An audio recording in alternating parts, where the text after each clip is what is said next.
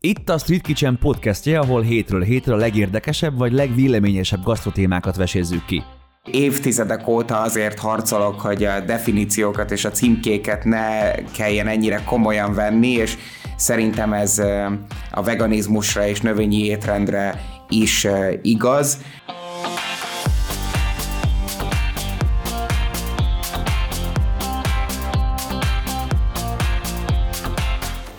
Sziasztok, Berceli Judit vagyok, és ez a Street Kitchen legújabb podcastja, vendégem pedig nem más, mint Steiner Kristóf itt a stúdióban. Szia! Szia, szia, sziasztok, mindenkinek csoda szép napot! És arról fogunk beszélgetni, hogy milyen előnyei, ne talán hátrányai vannak a vegán életmódnak, és mindennel, ami ezzel kapcsolatos. Úgyhogy akkor kezdjük is el. Mesélj légy szíves egy kicsit arról, hogy hogy kezdődött nálad ez az étrendváltozás. Hogyha jól tudom, akkor először vega voltál, és később tértél át a vegán étrendre. Abból a szempontból már az elejétől vegán voltam, hogy full növényi alapon kezdtem étkezni, amikor váltottam, viszont abból a szempontból nem voltam még vegán, hogy akkor még abszolút viseltem bőrcsizmákat, akkor még a, a veganizmus egyéb aspektusai, mint mondjuk az, hogy mondjuk tolpárnán alszom-e, az még akkoriban nem annyira foglalkoztatott, és aztán, ahogy néhány éve már a, a veganizmusban elmélyültem, egyre inkább értettem és átéreztem, hogy tulajdonképpen ez, ennek milyen sokféle dimenziója van, és um, nyilván, hogyha most visszatekintek, akkor Hát voltak nekem is úgymond ilyen túlkapással teli időszakaim, és szerintem az a nehéz ezekben a, az étrendekben, meg életmódokban, hogy, hogy az ember egy picit át tud esni a ló túloldalára, és ilyen extrém módon maximalista akar lenni. Most több mint tíz év vegánsággal a hátam mögött azt tudom mondani, hogy szerintem nincs olyan, hogy valaki százezer százalékos vegán. Szerintem ez egy törekvés, ez egy irány, és eh, hogy hogy kezdődött, hát eh, nagyon eh, személyes élmény volt, mert én, az, én ezért egy nagy húsevő voltam, bevallom igen? őszintén, igen. Én, én nem az a típusú vegetáriánus vagy vegán voltam, aki egyik pillanatról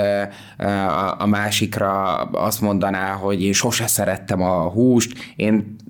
szeretettel és büszkén beismerem, hogy igenis szerettem a húst, sőt az ízét, illetve a, az állagát én a mai napig szeretem, bár nem fogyasztom. Tehát, hogy azért is, amikor emberek azt kérdezik, hogy a vegánok miért tesznek olyasmit, ami mondjuk hasonlít a húsra, mint a, a vegán kolbászok, vagy most mondjuk nagyon sok ilyen nagyon magas minőségű hús helyettesítő van már, amiket külföldről hoznak be, és tényleg én mindig azt mondom, hogy nem, nem azért nem szeretjük ezeket a dolgokat, mert undorodnánk a, a hús textúrájától vagy ízétől, hanem egyszerűen mert tudjuk, hogy, hogy mivel jár az elkészítése, és ha van rá növényi opció, akkor miért ne használnánk azt. Úgyhogy a, a személyes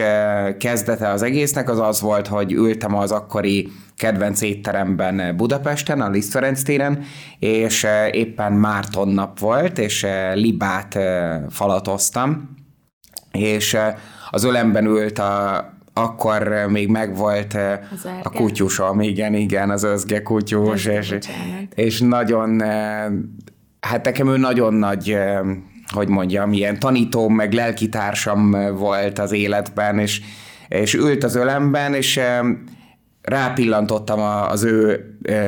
kis combocskájára, meg a libacombra, ami a tányéromon volt, és azon kezdtem gondolkodni, hogy tulajdonképpen mi a különbség a, a kettő között, hogy tényleg gyakorlatilag méretben és színeiben is ugyanolyan volt a két comb,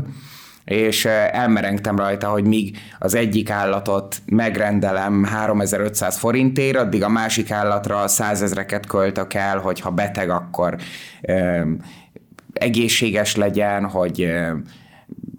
etessem, itassam, hogy jól tartsam, és akkor ezzel indított egy változást a fejemben, de akkor még mindig egy jó másfél évig nem lettem vegán, csak csak értettem, hogy ezzel a húsevés kérdéssel kezdenem kell majd valamit saját magam előtt. És hát így indult a történet, körülbelül másfél évvel később éppen akkor már Tel Avivban éltem, és egy Kube nevű közelkeleti ételt fogyasztottam, ami egy ilyen,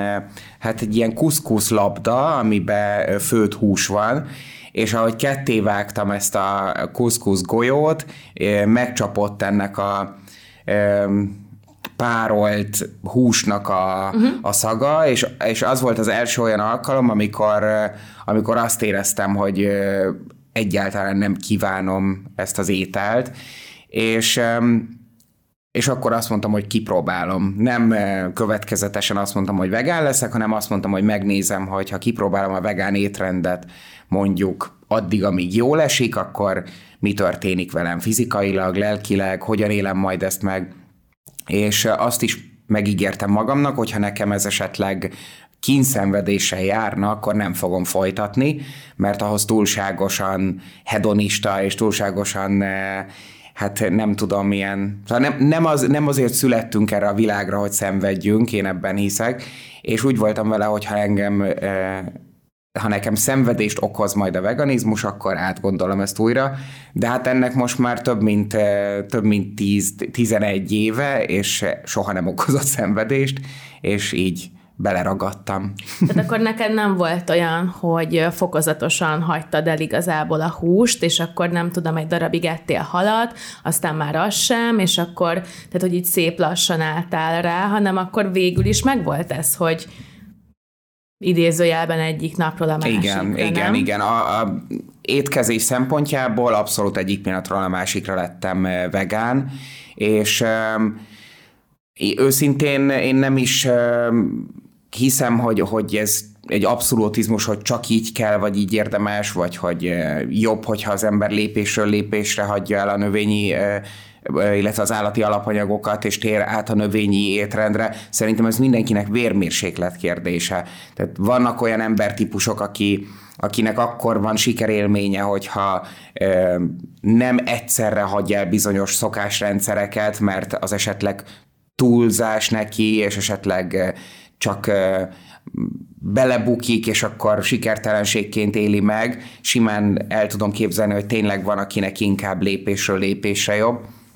De, de én személyesen én egy picit ilyen szélsőséges típus vagyok egy csomó mindenben, és, és nekem az a jó megoldás, hogyha ha lesz egy meggyőződésem, akkor beleugrom abba a történetbe. Nem volt a kezdetnél olyan, hogy hú, de hiányzik, nem tudom, egy pörkölt, vagy egy hortobágyi, vagy valami. Tehát ez egy teljesen újfajta gondolkodásmódot igényel, és főleg, hogyha ez így egyik pillanatról a másikra történik, akkor hogy fogok főzni, hogy fogom elkészíteni. Tehát, hogy egyrésztről elhagysz egy világot, a másikról persze kinyílik egy új, uh-huh. de hogy ezt mondjuk így hogy abszolváltad az elején, vagy hogy nem voltak ezek a, főleg nekünk magyaroknak, ugye vannak olyan ízek, amikhez így rettenetesen tudunk ragaszkodni és hát ezek általában szorosan a húsokhoz köthetőek. Nem volt hiányérzeted egyáltalán, vagy olyan, olyan ételek, amik, amikre így rákívántál időről időre? Eleinte volt hiányérzetem, de csak addig, amíg nem fedeztem fel, hogy vagy én el tudom készíteni azt az ételt vegán módon, ami hiányzik,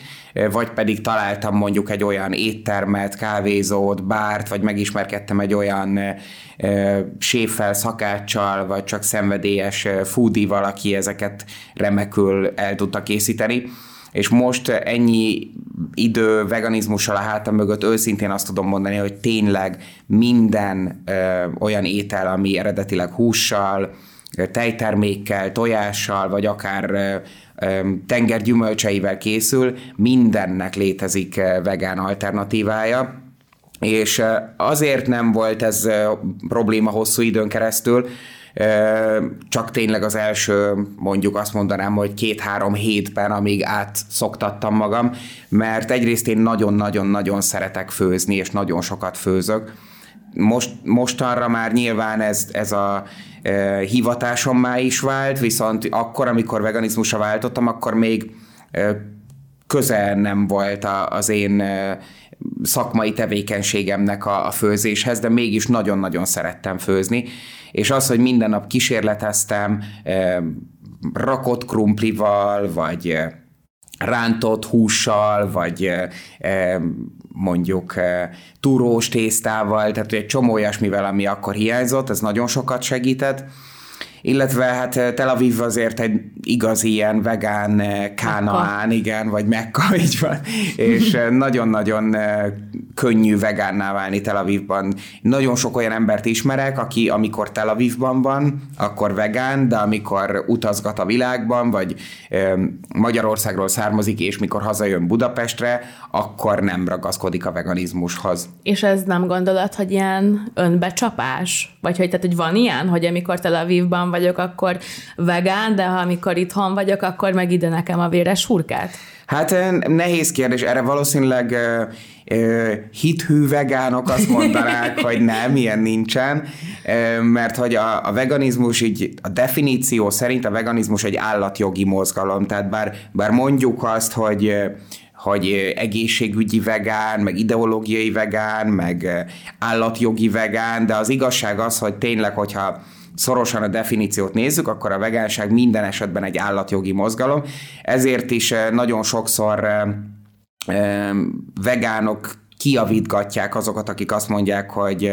én vasárnaponként vegán vagyok, mondjuk, és akkor azt mondják, hogy nem, te vasárnaponként növényi étrenden vagy, tehát hivatalosan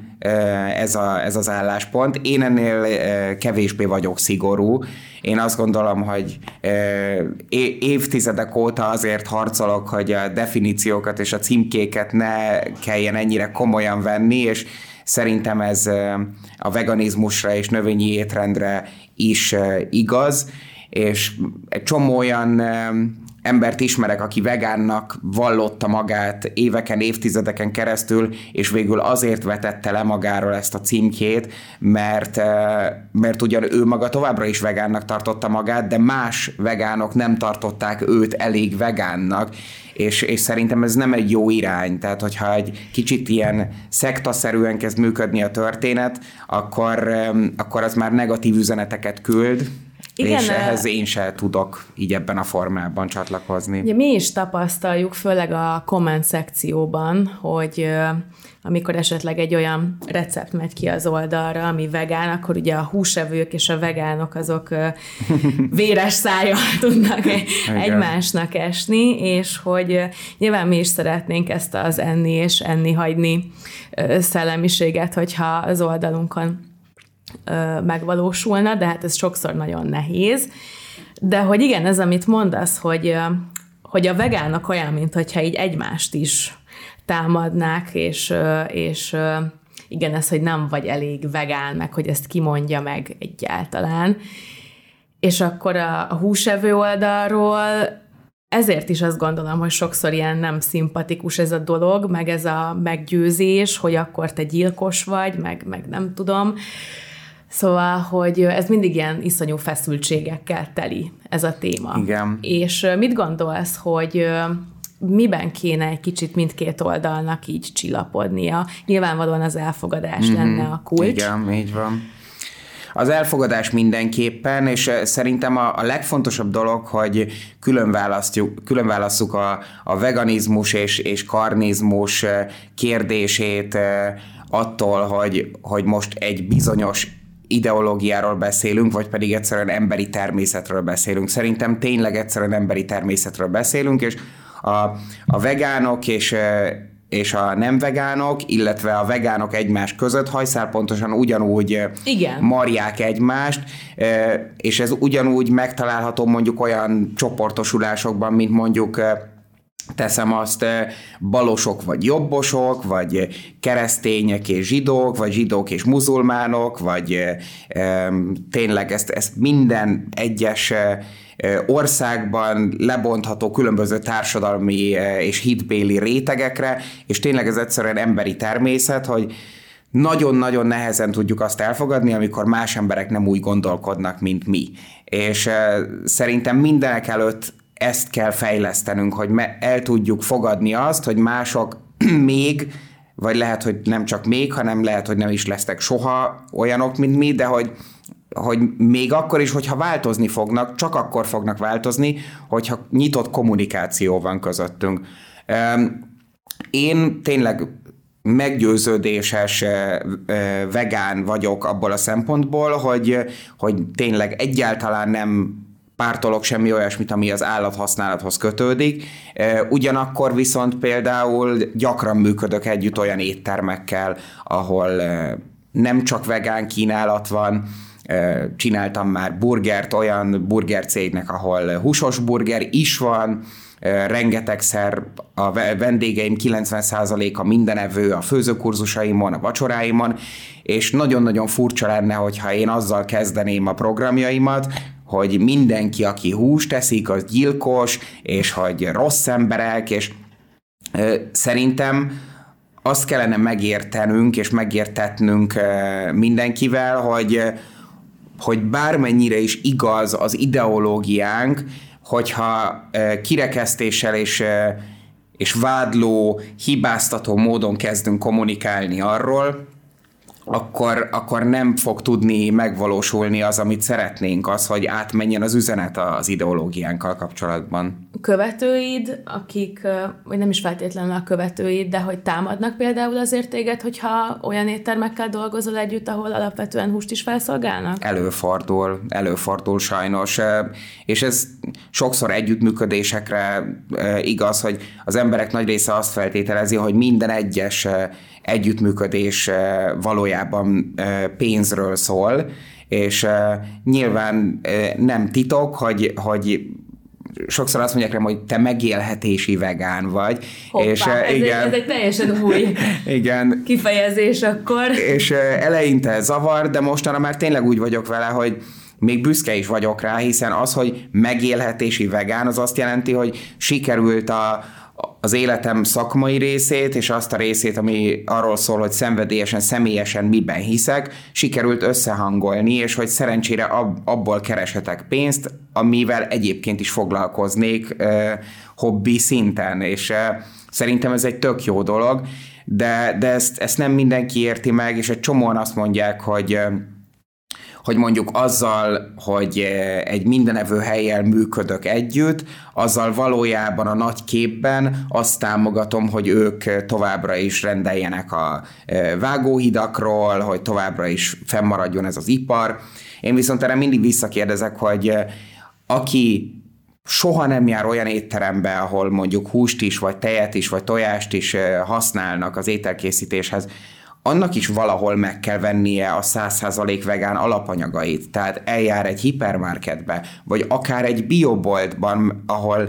még bioboltokban is nincs olyan, ami 100%-osan vegán. Sőt, hogyha valaki nyit egy 100%-osan vegán boltot, ő is olyan helyekről kell, hogy rendeljen, ahol nem minden egyes cég vegán, és ha még esetleg minden egyes cég vegán is, akkor se tudhatjuk, hogy a cég dolgozói közül mindannyian vegánok-e. Persze, ez lehetetlen ebbe bele, ez be, csak bele lehet őrülni abba, hogyha az ember így próbál gondolkodni. Úgyhogy én mindig próbálok kommunikációt, a kommunikáció útján tényleg egy picit békésebb hangulatot hozni a, a komment szekcióba, és mindig sajnos van ez a pont, amikor azt kell mondanom valakinek, hogy akkor inkább zárjuk le, mert úgy látszik, hogy nem lesz köztünk konszenzus, és ezzel sincsen komoly probléma, mert eh, sajnos az a néha az a megoldás, hogy el kell fogadnunk, hogy nincs megoldás. Mondtad, hogy te Tel Avivban tértél át a vegán étrendre. Hogy látod most a, a budapesti vegán szinteret, hogyha lehet így mondani? Én egyébként vega vagyok, illetve mm. nagyon sok ember szerint nem vagyok vega, hiszen én néha szoktam halat enni. Mm. Úgyhogy hál' Istennek nem sűrűn, de még engem is érnek emiatt támadások, pedig hát engem aztán nem követnek annyian, mint téged. És már én is azt tapasztalom, hogy azért az utóbbi egy-két évben sokkal könnyebb itthon vegetáriánusan étkezni változatosan, hogy akár arról beszélünk, hogy random megéhezem a város közepén, akár a hozzávalók beszerzésére gondolok, de hogy a, vegán platformról így mit gondolsz Budapesten? Nagyon, nagyon izgalmasan alakul, és tényleg amikor én 12 évvel ezelőtt először költöztem el Magyarországról, akkor még mindenki azt hitte, hogy a vegetáriánus vagy vegán életmód az valójában ilyen lila, ködös, hogy mi, mindenki így a Hare Krishna mozgalommal kötötte össze kb. Tehát, hogy egyszerűen nem, nem volt olyan hely, ahol ne azt érezted, hogy hogy neked most egy kompromisszumot kell kötnöd, hogy, hogy oda beülj, és vegetáriánus vagy vegán ételeket fogyasz. És félreértés ne essék egyébként, én azokat a helyeket is baromira szeretem, és a mai napig visszajárok egy csomó olyan helyre, ahol, ami már 10-12 évvel ezelőtt is létezett Budapesten, viszont mostanra már tényleg azt látom, hogy hogy a nagyon menő, nagyon trendi, aktuálisan felkapott helyek is, amik egyébként nem full vegánok, ott is sokszor akár már a menő egyharmada, vagy akár fele vegán barát, és nagyon sok olyan vegán hely nyílik, ami a világ bármely pontján megállná a helyét, és szerintem ez pont annak köszönhető, hogy hogy nagyon sokan mernek hangot adni annak, hogy, hogy egyébként kellene egy gazdagabb növényi kínálat a menükön. Az, hogy te vegetáriánusként, vagy az, hogy én vegánként mondjuk beülünk egy helyre, és végignézzük az étlapot, és akár csak megkérdezzük a, a pincért, hogy esetleg ezt a salátát lehetne sajt nélkül kérni, vagy hogy mondjuk a sült krumpli ugyanabban az olajban sül el, mint mondjuk a, a hús. Ezáltal inspiráljuk a helyeket arra, hogy legyen alternatíva. Szerintem az soha nem megoldás, hogyha vegánként nem járunk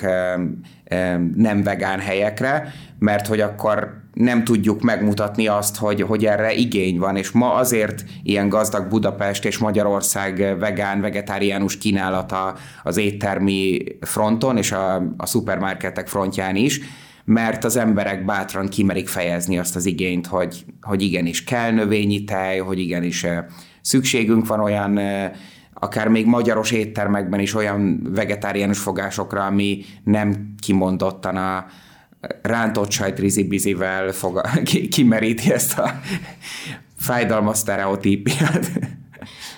Igen, igen, vagy a rántott gomba, rántott cukkini, rántott padlizsán és minden, minden rántva.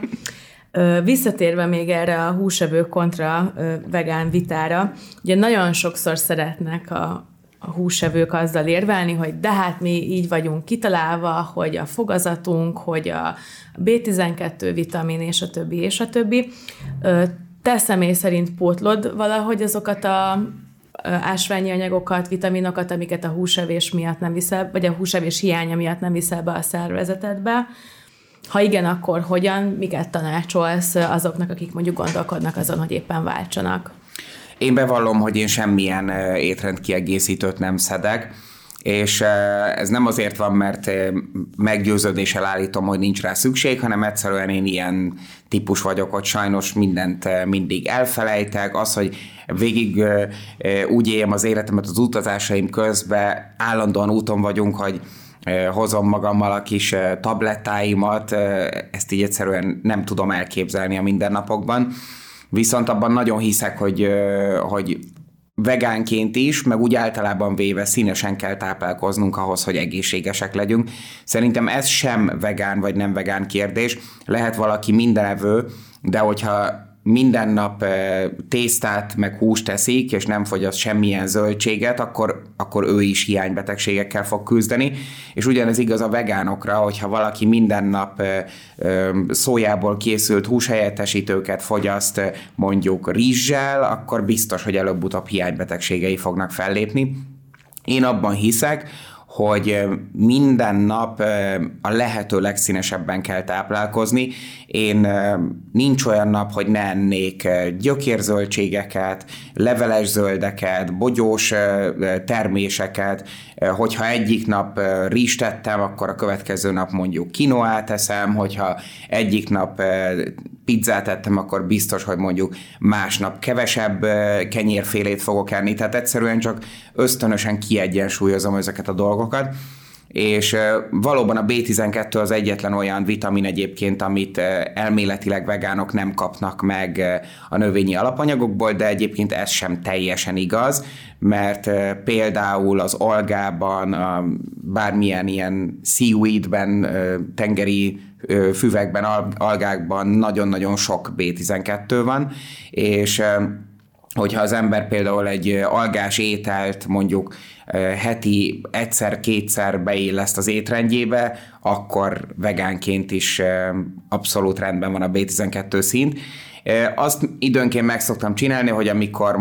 mondjuk egy kéthetes ilyen magyarországi kalandozás után, amikor tényleg minden nap legalább két-három programunk van, és alig alszom, és nagyon-nagyon kimerülök, akkor eszembe jut, hogy na jó, most akkor veszek egy B12-t, és akkor bedobok mondjuk mm-hmm. hármat, de akkor, akkor is inkább ilyen kampányszerűen szedem be. Ti most a Street Kitchen podcastját hallgatjátok, a mai vendégem Steiner Kristóf, akivel a vegán életmódról beszélgetünk. Nem olyan régen indult ugye a Green Kitchen oldalunk, ahol uh, igyekszünk egyrészt uh, egy kicsit ilyen edukációs uh, jelleggel cikkeket írni, recepteket előállítani, tanácsokat adni azoknak, akik a tudatosabb étkezés felé fordulnának, de, és hál' Istennek pozitív is volt a fogadtatás összességében, de azért kaptunk hideget is és hogy mit gondolsz erről, hogy hogyan lehetne így a két tábort közelíteni egymáshoz? Hát igen, nagyon nehéz kérdés, és nagyon furcsa nekem is látni, hogy ahelyett, hogy az emberek mindkét oldalon örülnének annak, hogy,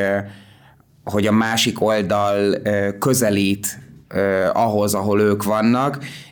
olyan, mint hogyha valaki, aki például mondjuk mindenevő, és elkezd vegetáriánus, vegán receptek után érdeklődni, mint hogyha a, a húsevők húznák vissza néha magukhoz, hogy micsoda, már te is kezded, és én, én tényleg, én például nagyon-nagyon nagyra értékelem azt, hogy elindul egy ilyen, mint a Green Kitchen, szerintem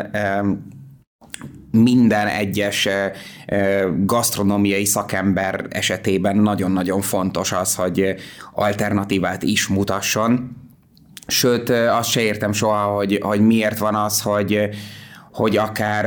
akár a szakmai fronton emberek féltékenykednek, irigykednek, attól félnek, hogy esetleg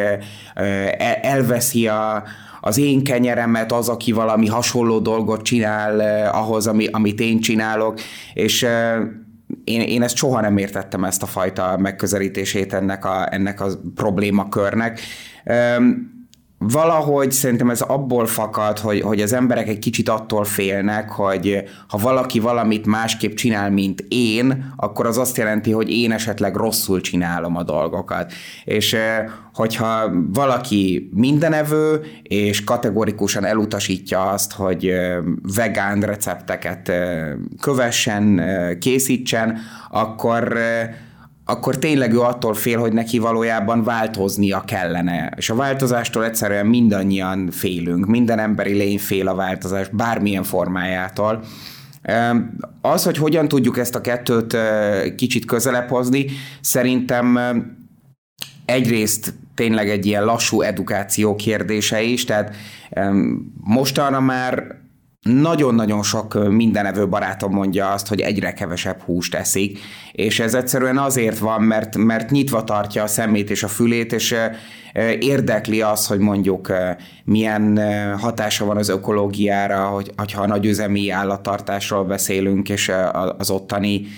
helyzetet figyeljük, vagy akár arra vonatkozóan, hogy az Orvosok Világszövetsége mennyire sokat és sokszor hangsúlyozza azt, hogy a teljes értékű növényi étrend a lehető legegészségesebb. És az azért mondom, egy picit mellékesen megjegyzem, hogy a teljes értékűt azért hangsúlyozom, mert, mert lehet valaki vegán, de nem feltétlenül egészségesebb, vagy nem feltétlenül kisebb az ökolábnyoma, mint mondjuk egy mindenevőnek, mert hogyha én vegánként folyamatosan nejlomba és műanyagba csomagolt dolgokat vásárolok, és mondjuk kizárólag olyasmit fogyasztok, ami százezer kilométert utazik, míg eljut Magyarországra, akkor én se vagyok jobb az ökorendszernek, mint, mint egy húsevő. Tehát, hogy Az a baj, hogy az emberek